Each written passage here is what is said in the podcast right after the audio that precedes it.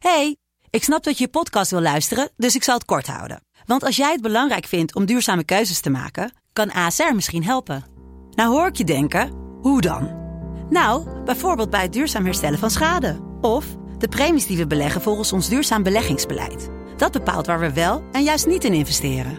Wil je meer weten over welke duurzame keuzes ASR maakt? Ga dan naar asr.nl slash duurzame keuzes. ASR doet het.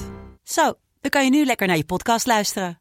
Hey, ik snap dat je je podcast wil luisteren, dus ik zal het kort houden. Want als jij het belangrijk vindt om duurzame keuzes te maken, kan ASR misschien helpen. Nou hoor ik je denken, hoe dan? Nou, bijvoorbeeld bij het duurzaam herstellen van schade. Of de premies die we beleggen volgens ons duurzaam beleggingsbeleid. Dat bepaalt waar we wel en juist niet in investeren.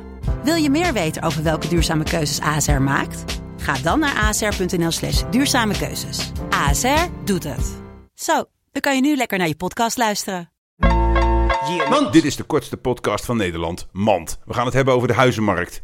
Ryan, Ja, ik vind het echt belachelijk. waarom? Dat, ik vind het belachelijk Ja, dat... waarom? Nou ja, dat, dat de huizen worden gezien als een belegging. En dat ik zeg maar in mijn crackhole de huur steeds wordt, stijgt. En dat ik er niet... Dat, ik zit vast. Waarom ga je zo hoog praten? Dit was Mand over huizen. Mand.